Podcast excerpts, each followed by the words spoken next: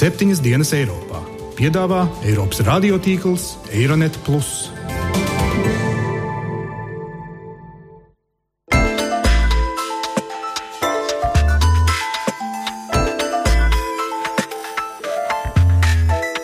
Šonadēļ septiņas dienas Eiropā dzirdēsim. Junkers apskāvis straujumu. Mēs cieši koordinēsim mūsu rīcību visos jautājumos. Neither Islam nor multiculturalism is to blame.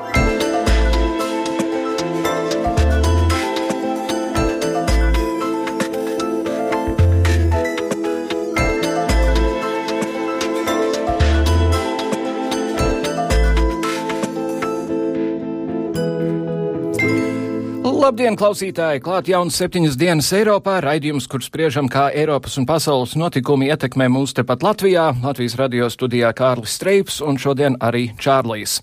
Es esmu Čārlijs. Ar šādiem solidaritātes saukļiem daudziet Eiropā un pasaulē cilvēki apliecinājuši šausmas un riebumu pret kārtējo islāmistu veikto teroraktu pasaulē, šoreiz Parīzē, Francijā, kur vakar pulcējās gandrīz 3 miljoni cilvēku, lai viņus pie, pieminētu tos, kas gāja bojā. Toties tiklīdz apšaudas apklusa un vainīgo un nevainīgo līķi bija novākti no lauž, ļaužu acīm, sākās jautājumu lavīna, ko tālāk, kas vainīgs, ko darīt, lai tas neatkārtojas. Un tāpēc šodien raidījumā aplūkosim divas tēmas - Francijas islāmistu sarīkotās apšaudas atbalsis un kā tās ietekmēs Eiropas lomas stiprināšanu pasaulē, kas ir viena Latvijas prezidentūras izvirzītā prioritāte. Bet vispirms uzklausīsim dažādus viedokļus par Parīzes teroraktu sekām.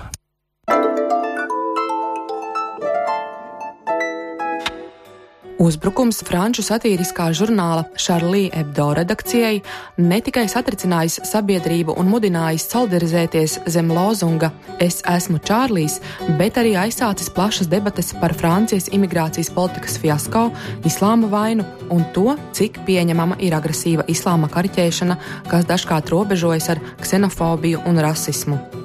Politikas analītiķis Žeroms Sentmarī Britu laikrakstam Guardian prognozēja, ka Francijā, kur jau līdz šim bija negatīva attieksme pret islāmu un ir vāja valdība, apšaude kļūs par pagrieziena punktu, un tai būs ļoti nopietnas un ilgstošas sekas Francijas politiskajā dzīvē.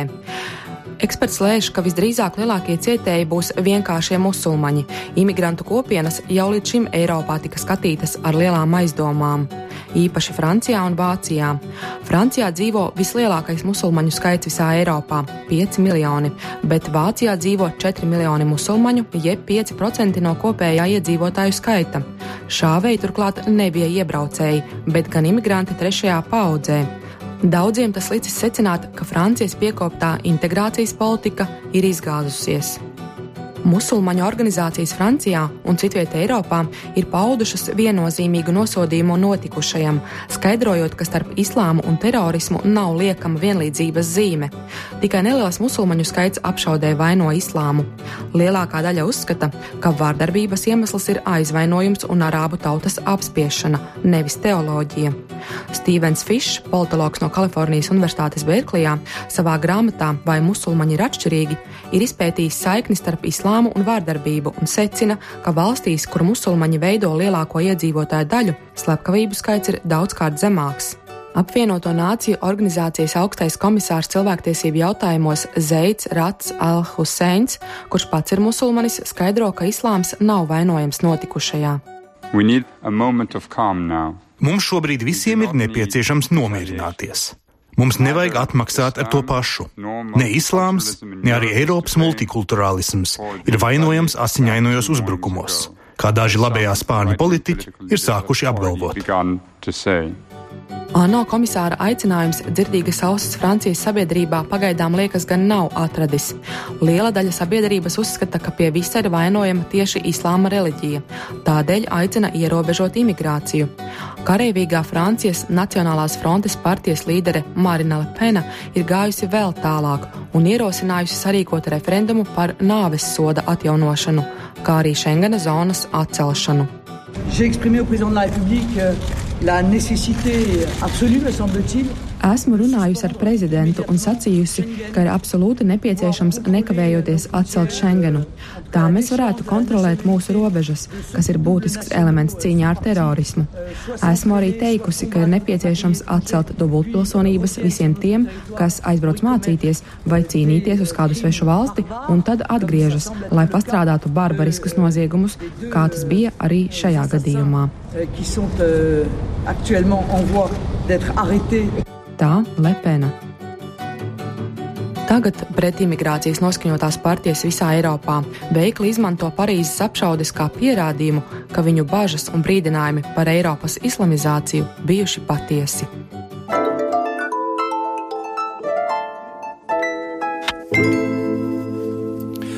Protams, šī nav pirmā reize, kad Eiropa ir cietusi no islāma ekstrēmistiem. Kādreiz tika laupītas lidmašīnas. 89. gadā Ajatola Homeinī pieteica nāves sodu britu autoram Salmanam Rušdī, kurš gan joprojām ir dzīves. 90. gadā Alžīrijas teroristi uzspridzināja Parīzes metro un plānoja gāzt Eifeļa torni ar nolaupītu lidmašīnu. 2004. gadā gandrīz 200 cilvēku gāja bojā Alkeida rīkotā sprādzienā Madrides pilsētas piepilsētas vilcienā, gadu vēlāk Londonā pēc islāmistu rīkotas sprādzienā un akcijas sabiedriskajā transportā bija 52 mirušie. Holandē noslapkavots pretrunīgais režisors Teo Van Gogs, un jau 2011. gadā tā paša Čārlī Hebdo darbinieki saņēma nāves draudus, un redakcijā notika ļaunprātīga dedzināšana. Terora akti šonadēļ Parīzē visdrīzāk pātrinās stingrākas pretterorismu politikas ieviešanu Eiropā. Džihādisti, kas atgriežas pēc cīnīšanās tuvajos austrumos uz savām mājām Eiropā, jau vairākus gadus tiek uzskatīti kā bumba ar laika degli. Amatpersonas vēlēsies tagad darīt visu, lai tiem būtu sarežģītāk pamest savas valstis, lai pievienotos islama kaujinieku grupējumiem, un jo īpaši, lai būtu grūtāk atgriezties ar kaujas pieredzi, ko likt lietā mūsu kontinenta pilsētu ielās. Vairāk par to, vai šie notikumi mainīs mūsu prezidentūras prioritātes un par to, kas pagājušo nedēļu norisinājās pie mums Rīgā, manas kolēģis Kitas Siliņas sižetā.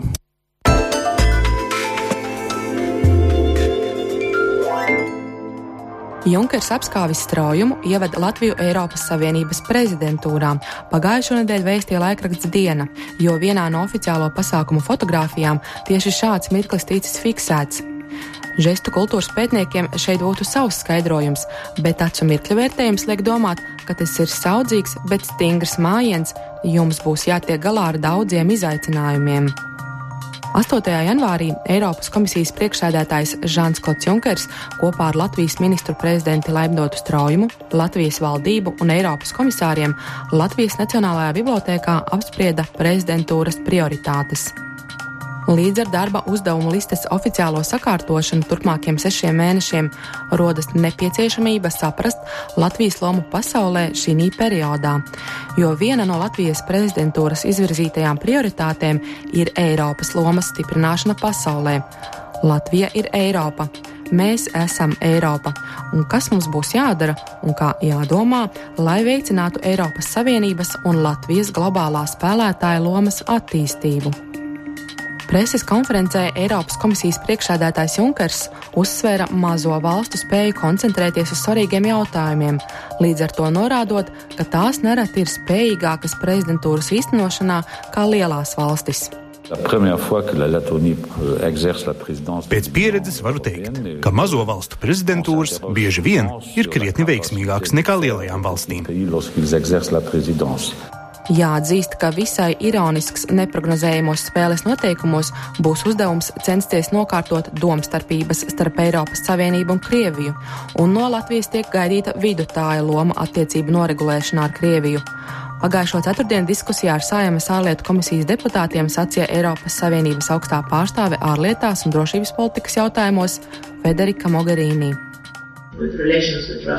Attiecībās ar Krieviju jāievēro dažādas stratēģijas, sankcijas un atvērtus komunikāciju kanālus, lai varētu baudīt sankciju augļus, un Latvija var nodrošināt sabalansētu pieeju šajā jautājumā.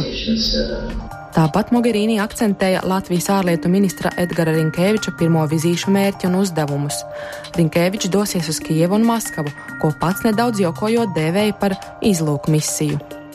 Gribētu teikt, ka Mēs cieši koordinēsim mūsu rīcību visos jautājumos, bet es arī dodos lielā mērā savās pirmajās vizītēs kā prezidentūras ārlietu ministrs ar stingru augstās pārstāvs mandātu un atbalstu, un pēc tam ziņošu Eiropas Savienības ārlietu padomē par saviem apsvērumiem pēc vizītēm Kijevā un Maskavā par to, kādā veidā mēs varētu virzīties tālāk gan kopīgās Eiropas stratēģijas izstrādē attiecībā pret Krieviju, arī par jautājumiem, ko varbūt Eiropas Savienība varētu virzīt tālāk uz priekšu politisku dialogu veidā.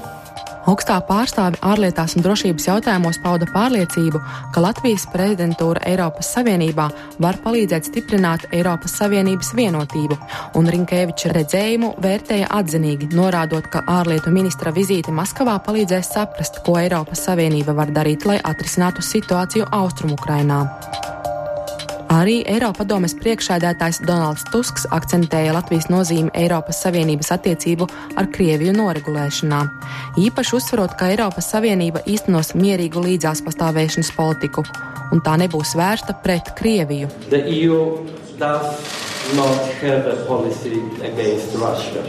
Viņš arī atzina, ka Latvijai šāds politikas virziens maksās augstāku cenu nekā daudzām citām Eiropas Savienības valstīm, taču pašreiz nav citas iespējas. Tāpat Donalds Tusks vērtēja Latviju kā labu piemēru tam, kā veiksmīgi izkļūt no krīzes un kā pieņemt drosmīgus lēmumus par struktūrālām reformām, lai atjaunotu ekonomisko stabilitāti. Es esmu pārliecināts, ka prezidentūra Laimdotas straujums vadībā būs aktīva, efektīva un produktīva. Pagaidām šis jaunais Latvijas status Eiropas Savienības mērogā vairāk akcentēts ir tieši ārpolitiskā līmenī, bet ko par to domā vienkāršie cilvēki Latvijā? Vai viņi jūtas kā īpaša Eiropas Savienības sastāvdaļa, vai šī prezidentūra spēlēs lomu arī ikvienā ikdienas dzīvē turpmāko pusgadu un vēl ilgāk? To rādīs laiks un notikumi, un katra paša pārdomas un secinājumi, ja tādi būs, protams piemēram par dažādo reliģisko prakšu un to radīto emociju un citu seku lomu Eiropas pagātnē un šodienā. Tāpēc gribētu piekrist Londonas Karalienes Mērijas Universitātes vēstures profesorei Mīri Rubinai, kura decembra sākumā Rīgā Nacionālajā bibliotēkā uzstājās ar lekciju, analizējot viduslaiku mantojumu mūsdienu Eiropā, jo Eiropa kopš viduslaikiem ir veidojusies kā telpa, kur sastopama liela daudzveidība, pretrunas un vienlaikus plaši izplatītas daudzas līdzīgas idejas un prakses. Eiropas vēstures dzinējspēks ir kopīgā un atšķirīgā sajaukums. Būt Eiropietim šodien nozīmē aptvērt, ka jebkurš simbols var atšķirīgām ļaužu grupām nozīmēt daudz ko citu. Tātad būt Eiropietim ir arī prāta un dvēseles stāvoklis. Tā, manuprāt, ir īpaši nostāja pret cilvēcisko miedarbību, kuru regulē likums un savstarpējā cieņa. Eiropa ir vienmēr uzplaukusi un bijusi savā zenītā tad, kad tā ir apliecinājusi un izmantojusi šo daudzveidību, kas loģiski tajā pastāv. Un vistraģiskākie vēstures mirkļi bijuši tie, kad šī daudzveidība ir tikusi mākslīgi apslāpēta vai apkarota.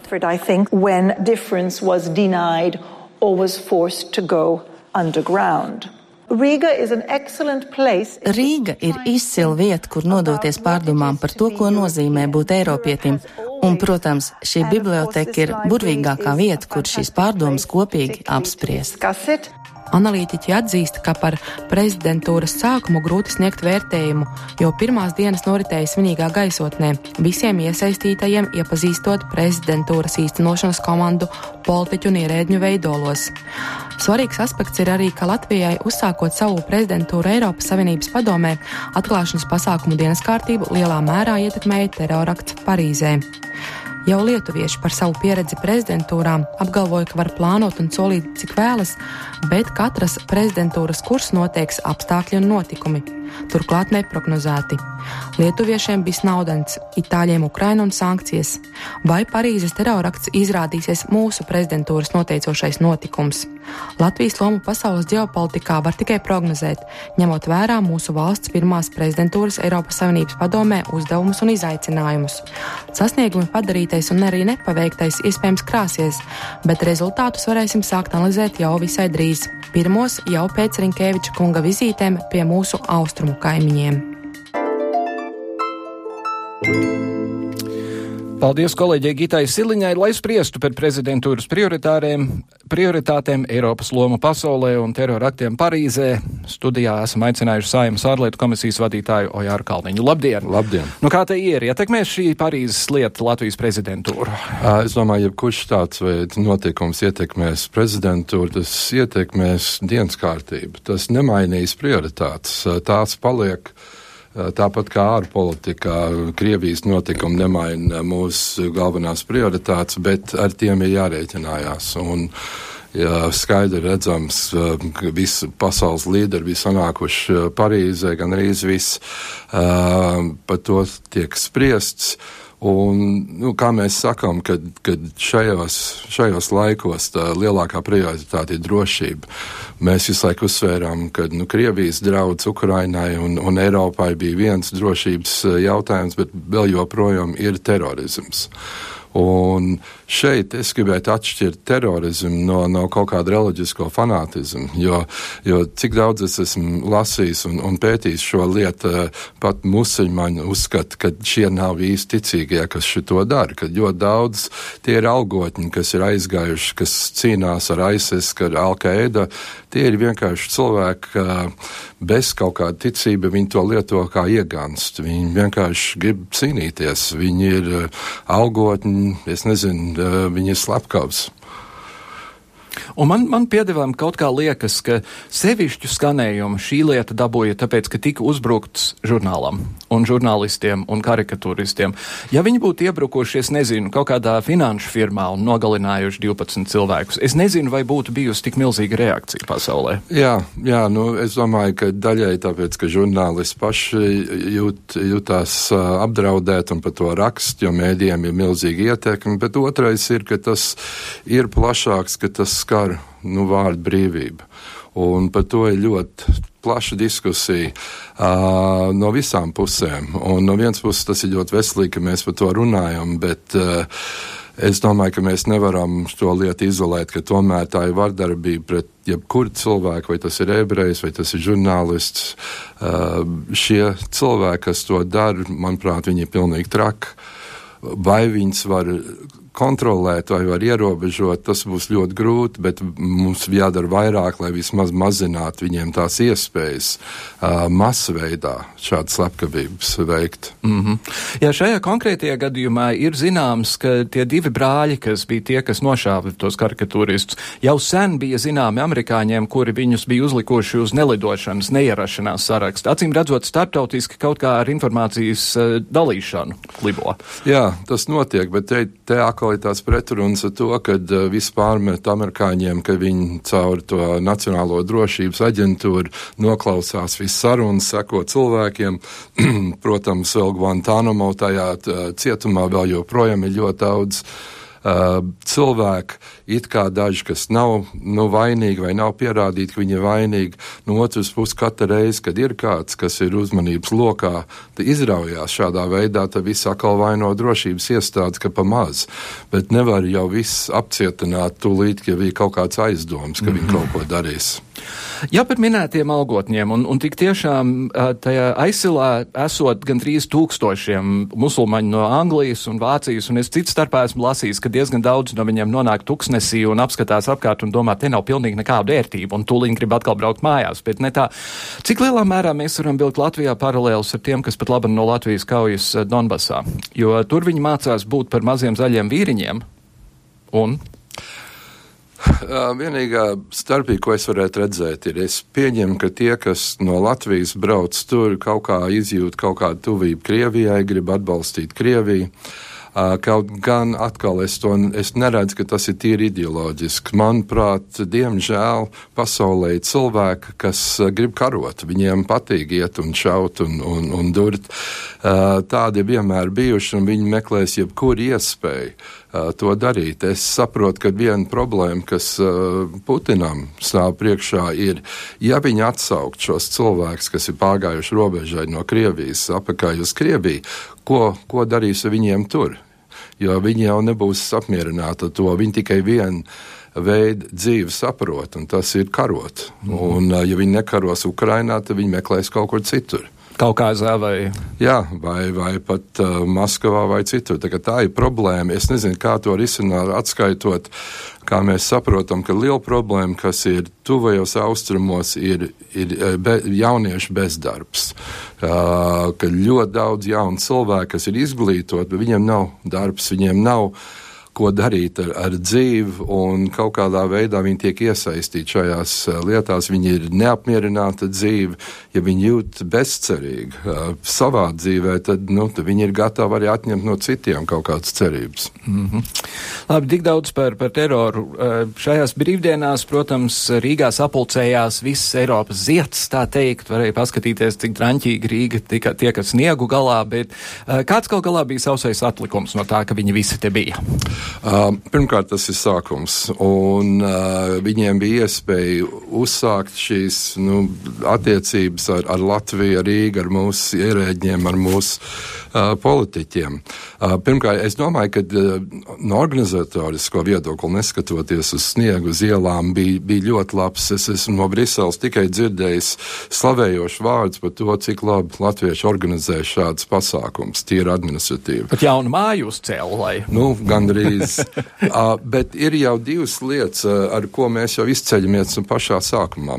Pirmkārt, 8. janvārī Eiropas komisāri tikās ar parlamentāriešiem. Tā ir pirmā reize, ka komisāri tikušies ar parlamentāriešiem. Tā ideja nāca. Katrs savā komisijā attiecīgi. Jā, tas tēmas. nekad nav bijis, jo viņi parasti atbrauc prezidentūras sākumā un tiekās ar ministriem, ar valdību. Uh, Lolita Čigāna bija tā, kas ierosināja šo ideju runājot ar viceprezidentu Timermanu. Viņam tā ideja patika, viņa piekrita.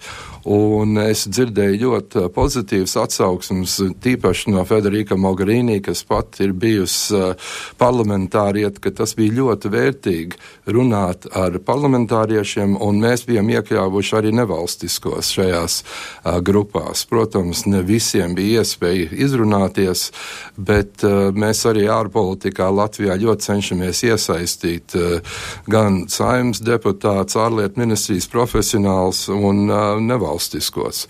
Tas bija viens. Uh, un es domāju, otrais ir tas, ka piekdien uh, notika Eiropas attīstība gada atklāšana.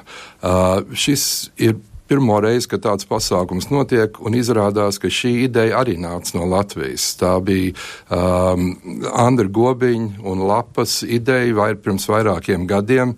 Viņi jau vairākus gadus uzrunāja Eiropas komisijas pārstāvs Briselē, tie piekrituši. Man bija, man bija ļoti liels prieks piekdien, kad uh, atklāšanā gan Junkers, gan vispārējie pateicās tieši Latvijas nevalstiskajiem, ka viņi šo ideju ir ierosinājuši. Tā kā mēs, uh, mūsu sabiedrotie, mūsu kolēģi Eiropā jau tagad redz, ka Latvija jau ir uzsākusi šo prezidentūru ar savām idejām, ar jaunām idejām, ar konstruktīvām uh, uh, ieteikumiem. Mm -hmm. Tad varbūt prezidentūru vajag atstāt vienkārši mums, ja mums ir visas labās idejas. nu, es nezinu, vai mēs paspēsim kaut ko tādu turpināt. Tas ir, tas ir dārgs prieks, tas prasa ļoti daudz uh, darba un enerģiju, bet es domāju, ka tam būs ilgstošs efekts, jo seši mēneši uh, mūsu cilvēki daudz dziļāk iepazīsies ar Eiropas Savienības vajadzībām, prasībām, ar, ar, ar to tehnisko daļu. Uh, vairāk tūkstoši cilvēku brauks uz Latviju pirmo reizi, ne tikai no Briseles, bet no visām pārējām 27 valstīm. Um, viņi redzēs, kā mēs strādājam, kā mēs rīkojamies, viņi redzēs Rīgu. Diemžēl nebūs daudz pasākumu ārpus Rīgas, jo tas vienkārši nav praktiski. Uh, bet tam būs paliekošs efekts, es domāju. Tā kā, tā kā, protams, ne katrs iedzīvotājs no to uzreiz kaut ko jutīs, bet ja mēs ceram palielināt mūsu ietekmi Eiropas Savienībā, šis ir tas veids, kā to darīt. Es, esmu, es nevaru šo pierādīt. Man, man cilvēki prasījuši, nu, cik liela ietekme mums ir sešu mēnešu laikā, un es esmu tā nu, domājis, ka varbūt 20 līdz 30 procenti mēs varam ietekmēt lēmumus.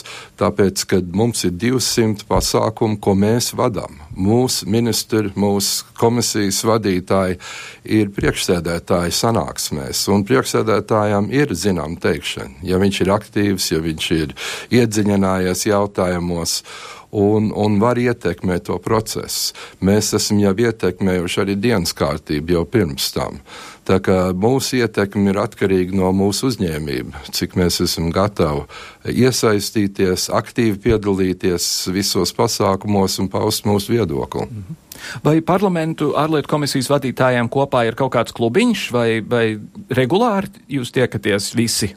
Nu, parlamentārie ār, ārlietu komisiju vadītāji. Nu, varbūt to nesaukt par klubiņu, bet jā, mēs tiekamies diezgan regulāri. Pirmkārt, viens no uh, sešu mēnešu laikā būs seši tīri parlamentārie pasākumi. Viens no tiem būs manā vadībā, un to sauc par starpparlamentāro konferenci. Es kopā ar Raināru Latkovsku, kas vada aizsardzības komisiju, es vadu ārlietu komisiju. Tā ir tā kopējā sēde, kur runā par Eiropas kopējo aizsardzības, ārlietu un drošības politiku. Um, Mēs tiekamies katru sešu mēnešu. Es biju Romā pirms dažiem mēnešiem, kur mēs tikamies. Uh, arī uh, Tautsaimniecības komisija locekļi tiekās, sociālā komisija locekļi, tā kā parlamentārieši tiekās savā līmenī. Uh, tas notiek ne tikai Eiropas Savienības līmenī, bet arī, piemēram, uh, ko sauc par NB8, Ziemeļbaltijas astoņu valsts. Mēs tur arī regulāri tiekamies. Tā kā man jāsaka, tagad es jau četrus gadus esmu saimā, un tas man ir lielākais atklājums, ir cik aktīvu lomu parlamentārieši var spēlēt diplomātijā un ārpolitikā, ja viņi iedziļinājās un ja viņi aktīvi piedalās šajās sanāksmēs. Jā, tur ir, tur ir jautājums, vai tu, tur tiešām kaut kas nopietns notiek, vai arī viss sanāk kopā, katrs uh, nāk ar īsu uzrunu un tad visi iet vakriņās? Nu, e, es, es saredzu e, notikums divos līmeņos. Viens ir, kad jā, mēs spriežam par deklarācijām, un kādreiz paiet divas dienas, kur uh, visi debatē par trīs lapušu garu de deklarāciju. Un man jāatzīstās, ka varbūt ārpus pašu parlamentāriešiem neviens cits tos neizlasa. Bet bet tur apspriež diezgan nopietnas jautājumus, un tie ir jautājumi, kas ir svarīgi katrā nacionālā parlamentā. Vienlaicīgi uh, parlamentārieši tiekās vakariņās, kafijas laikā, un tur var ļoti daudz pārunāt, virzīt uz priekšu katrai valstī savas intereses.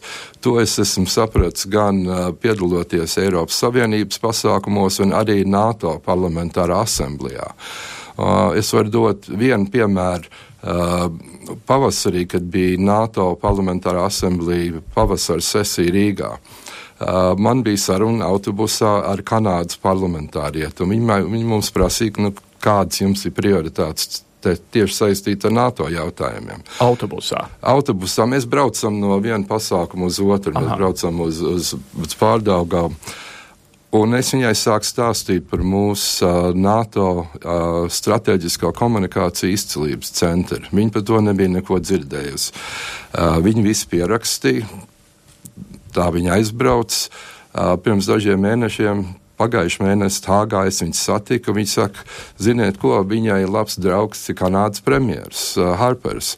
Un viņi bija sagatavojusi prioritātes, jo viņš bija prasījis, nu, kā, kā, kas būtu jādara tieši Baltijas valstīs. Un viņi tieši bija pieminējis ne tikai Latvijas izcelsmes centru, bet arī Igaunijā, jo viņiem tas centrs kiberdrošība, un Igauniem ir enerģētiskā drošība. Lietuviešiem ir enerģētiskā Lietuviešiem. Mm -hmm. Un uh, izrādās, ka uh, ministra prezidents Harpers izlēma vienu miljonu dolāru uh, noziedot šiem centriem. Uh.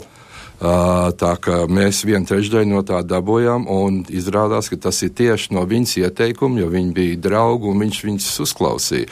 Tad es sapratu, ka arī to, ko tu runā autobusā, braucot no vienas vietas uz otru, tas varētu būt ļoti svarīgi, ja tu runā cilvēku, kas tev uzklausās un kas to ņem nopietni. No, ja. Tad jau laikam vairāk vajadzētu rīkot pasākumus ārpus Rīga centra, Rīgas centra, var vairāk braukt no. autobusā. Es domāju, galvenais ir, ir, ir deputātiem ir aktīvi uh, sarunāties ar šiem ārvalstu parlamentāriešiem, jo viņiem ir interesi. Ir tīpaši tagad viņi grib zināt par Latvijas apstākļiem, par drošību šeit, par mūsu noskaņojumiem, kā mēs skatāmies uz Eiropas Savienības nākotni. uh, Briti, it īpaši pēdējā laikā pie mums brauc, jo viņiem ir arī savu uzskatu par, par Eiropas Savienību, un viņi grib dzirdēt mūsu viedoklis. Tā kā, ja kāds iedomājās, ka nu, mēs esam maziņa valsts, mums nav nekāda ietekme, tā nav. Uh, ja mēs nākam ar labām idejām, cilvēki tos iegaumēs.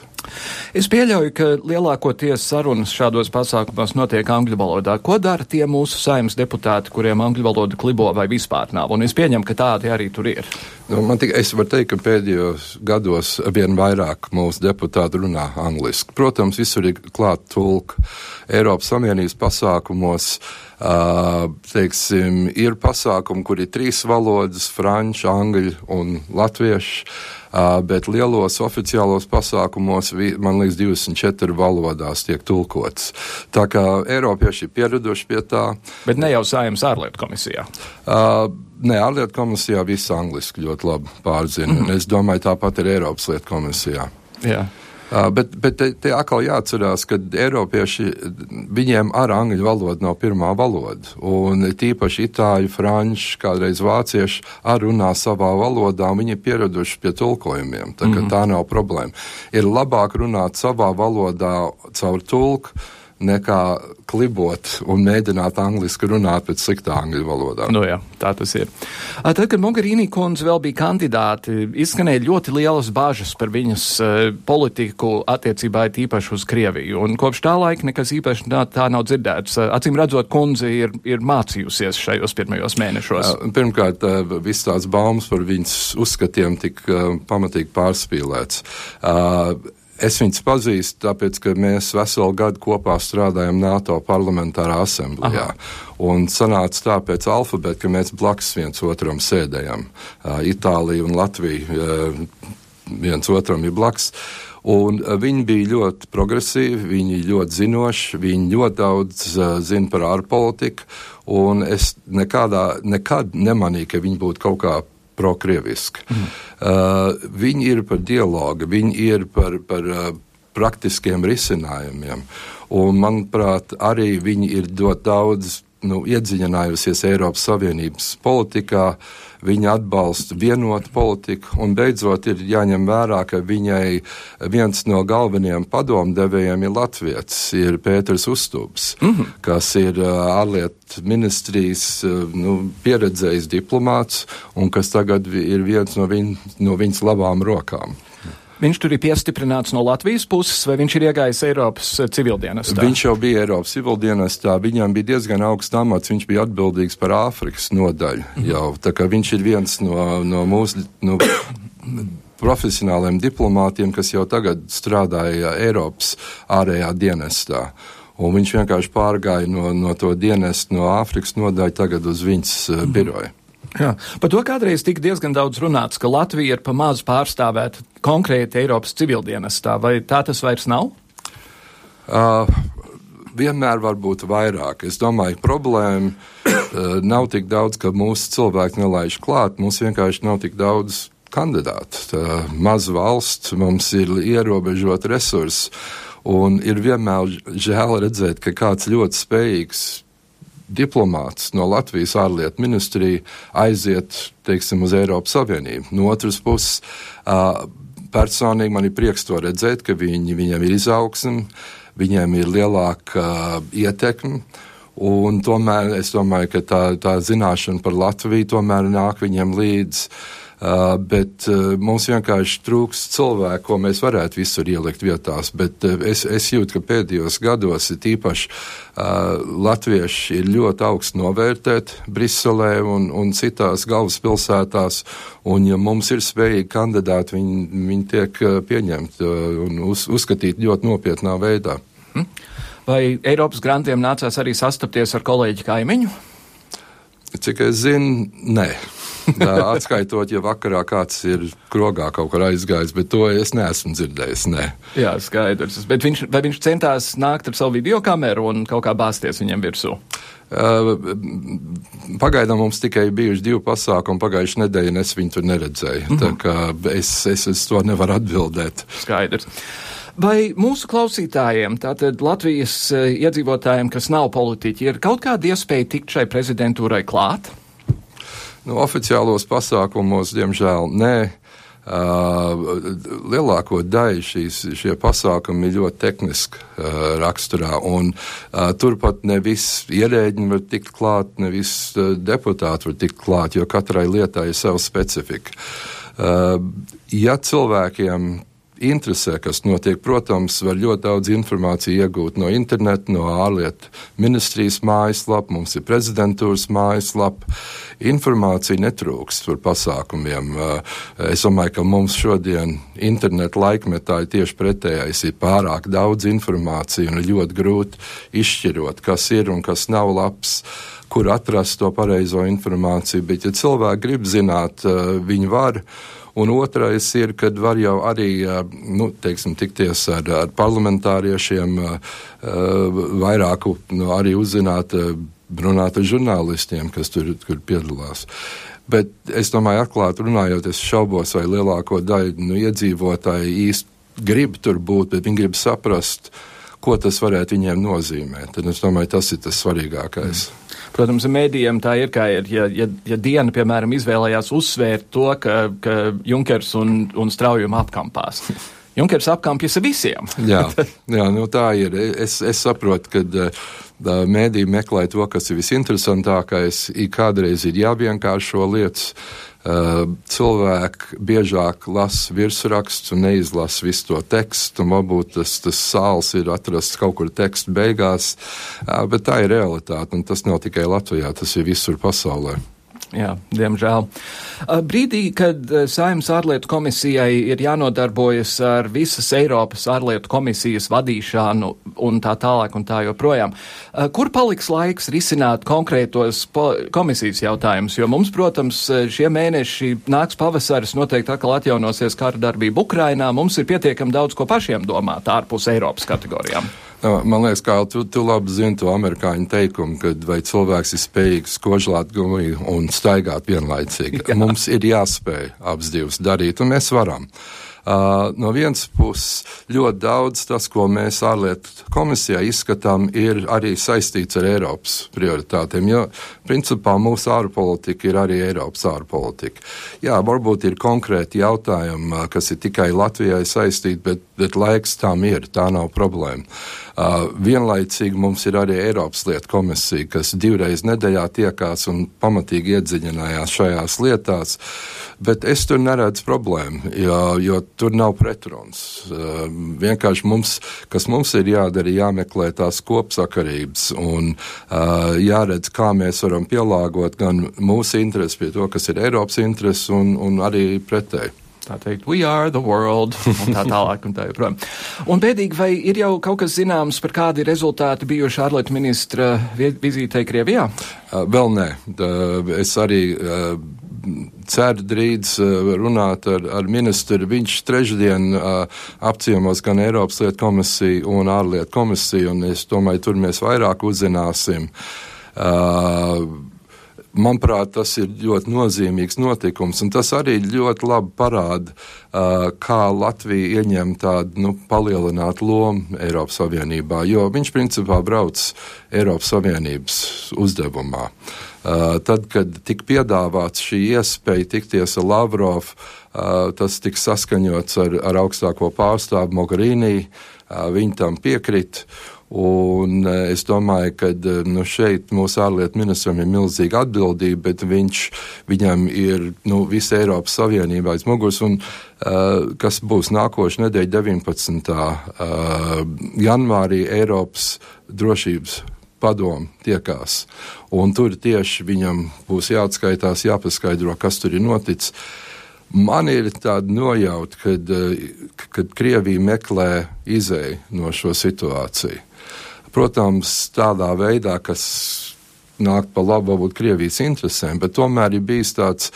Uh, nu, kā mēs sakām, ir bijis nemierīgs pamieris Austrum Eiropā, bet tomēr viss pazīmes rāda, ka ir mazliet mierīgāks bijis pēdējās nedēļās. Tā skaitā uzlidojumi mums ir bijuši ir mazāk. mazāk un, un arī ir dzirdēts arī, ka amerikāņi to ir ievērojuši, un mēs tagad uh, gaidīsim un redzēsim, ko Krievijas līderi grib piedāvāt, kādā veidā viņi grib šo lietu atrisināt.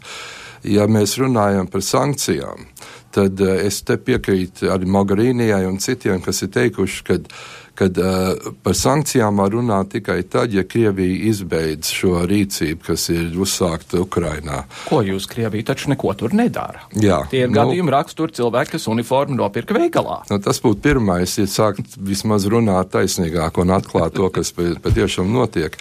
Uh, bet atkal šeit ar, ar sankcijām vien neko neatrisinās. Ir jābūt dialogs. Un tāpēc uh, mums ir tā iespēja šo dialogu uzsākt. Un es iedomājos, ka no vienas puses Latvijai šis ir ļoti izdevīgi, ka mums ir prezidentūra tieši šajā laikā. Pirmkārt, tas piesaista milzīgu uzmanību tieši mūsu reģionam. Uh, seši mēneši te brauks tūkstošiem Eiropas līderu un, un uh, pārstāvi. Un otrais ir tas, ka ir jauna Eiropas komisija, jauns parlaments, jauna prezidentūra. Un tas viss notiek ar Latvijas uh, nu, pašā sākumā mūsu prezidentūra. Tā kā, uh, es domāju, ka uh, no viss šo būs diezgan pozitīva tāda paliekoša iespēja. Mm -hmm. Un tieši šajā šīs prezidentūras kontekstā mūsu valsts prezidentam vajadzētu vai nevajadzētu doties uz 9. māja svinībām Maskavā? Ja prezidents prasītu man viedokli, es teiktu, ka viņam nevajadzētu. Un es nedomāju, ka, ka tā ir tā vieta, kur izsināt problēmas. Un tīri simboliski es neredzu iemeslu, kāpēc tur būtu jāpiedalās. Jo tas ir lūk, mēs varanā Krievija pasākums. Jā, tas ir pilnīgi cits pasākums. To nevar salīdzināt ar kaut kādu sarunu ar, ar Lavrovu par, par konkrētām lietām. Uh, un es tur neredzu, ka vis, ir, īpaši šogad. Uh, ņemot vērā šo kontekstu, kas notiek Ukrainā un Krievijas rīcība uh, mūsu, mūsu reģionā, es nedomāju, ka šis būtu tas pareizais laiks iet simboliski un, un piedalīties vienā parādā un vienā tādā pasākumā. Skaidrs. Paldies par ļoti interesantu sarunu. Saimnes ārlietu komisijas vadītājs Ojārs Kalniņš. Paldies! Paldies. Rainis mīlēja teikt, domas ir spēki, ko tu domā, tas tu esi. Mēs septiņas dienas Eiropā arī cenšamies būt tas, ko ēdam. Ja tā, tad man ir ļoti liels problēmas un domāt, kādi mēs gribētu būt. Latvijā šis ir Aspazies un Raiņa gads. Par to, vai Rainis ir vai varbūt varētu būt 21. gadsimta Eiropietis, stāsta komunikācijas ētikas pētniece Latvijas Universitātes profesore Skaidrīte Lasmane. Rainis bija Eiropas kultūras cilvēks. Viņš bija intelektuālis. Viņš bija cilvēks, kas saprata Eiropas ideju nozīmi un attīstīja šīs idejas Latvijas telpā un arī laikā. Viņu patiešām var uzskatīt par Eiropas identitātes ideju, brīvas attīstības, taisnīguma, solidaritātes, tolerants un citu skaistu ideju ieradinātāju un arī pārnesēju Latvijā. Un šo darbu viņš darīja kopā ar Aspaziju, ar savu Fausta un citiem tulkojumiem, arī ar savu līdzdalību un arī jaunu sociālu kustību iedibināšanu galvenokārt ar savu mākslu, ar dzēju un lugām. Rainis dzēnieks un domātājs saprata, ka idejām un pārvērtībām ir jāveido piemērots cilvēks un piemērota sabiedrība, īpaši piemērota jaunā paudze. Būdams Latvijas izglītības ministrs 27. gada septembrī, viņš uzrakstīja norādījumus izglītības reformai, Tajā iekļauti trīs uzdevumi. Pirmkārt, veidot ikviena pilsoņa spēju vadīt pašam sevi, būt atbildīgam pašam par savu brīvību, otrkārt, veicināt cilvēka atbildību par savu valsti, par demokrātiju tajā. Un treškārt, viņš savos norādījumos uzsvēra, ka veidojams aktīvs, izpalīdzīgs, solidārs cilvēks. Tās, kā jūs saprotat, ir gudras idejas. Tās ir Eiropas idejas. Un vakar svētdienā Francija ar savu nepieredzētu plašo vienotības gājienu, ar šo savu Žesui Šarlī apliecināja šo Raiņa un Eiropas ideju gudrību, ka ne ar brutālu vardarbību var atbildēt uz fanātismu izraisītajiem zaudējumiem un cilvēku dzīvības upuriem, bet ar izteikti pašlepnu, pašpārliecinātu, un arī apbrīnojumu vienprātīgu nācijas kultūras un brīvības principu aizstāvību. Protams, idejas neiedziļinās tās nepiepildās viegli, nepiepildās ātri, nevienmēr tās nepretrunīgi un nevainojami īstenojas, taču bez Eiropas, bez raiņa idejām, ar agresiju, naidu, patērniecības ikdienu, tagadne un nākotne būtu daudz nedrošāka, tukšāka un neauglīgāka.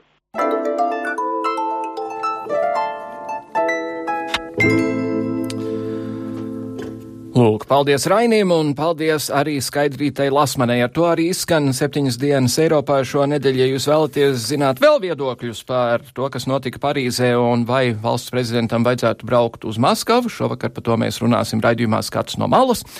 Raidījums septiņas dienas Eiropā atgriezīsies šajā pašā laikā nākamnedēļ. Pagaidām pietiks ar atziņu. Mēs dzīvojam sarežģītos laikos. Paldies, dāmas un kungi, līdz citai reizei. Visu labu!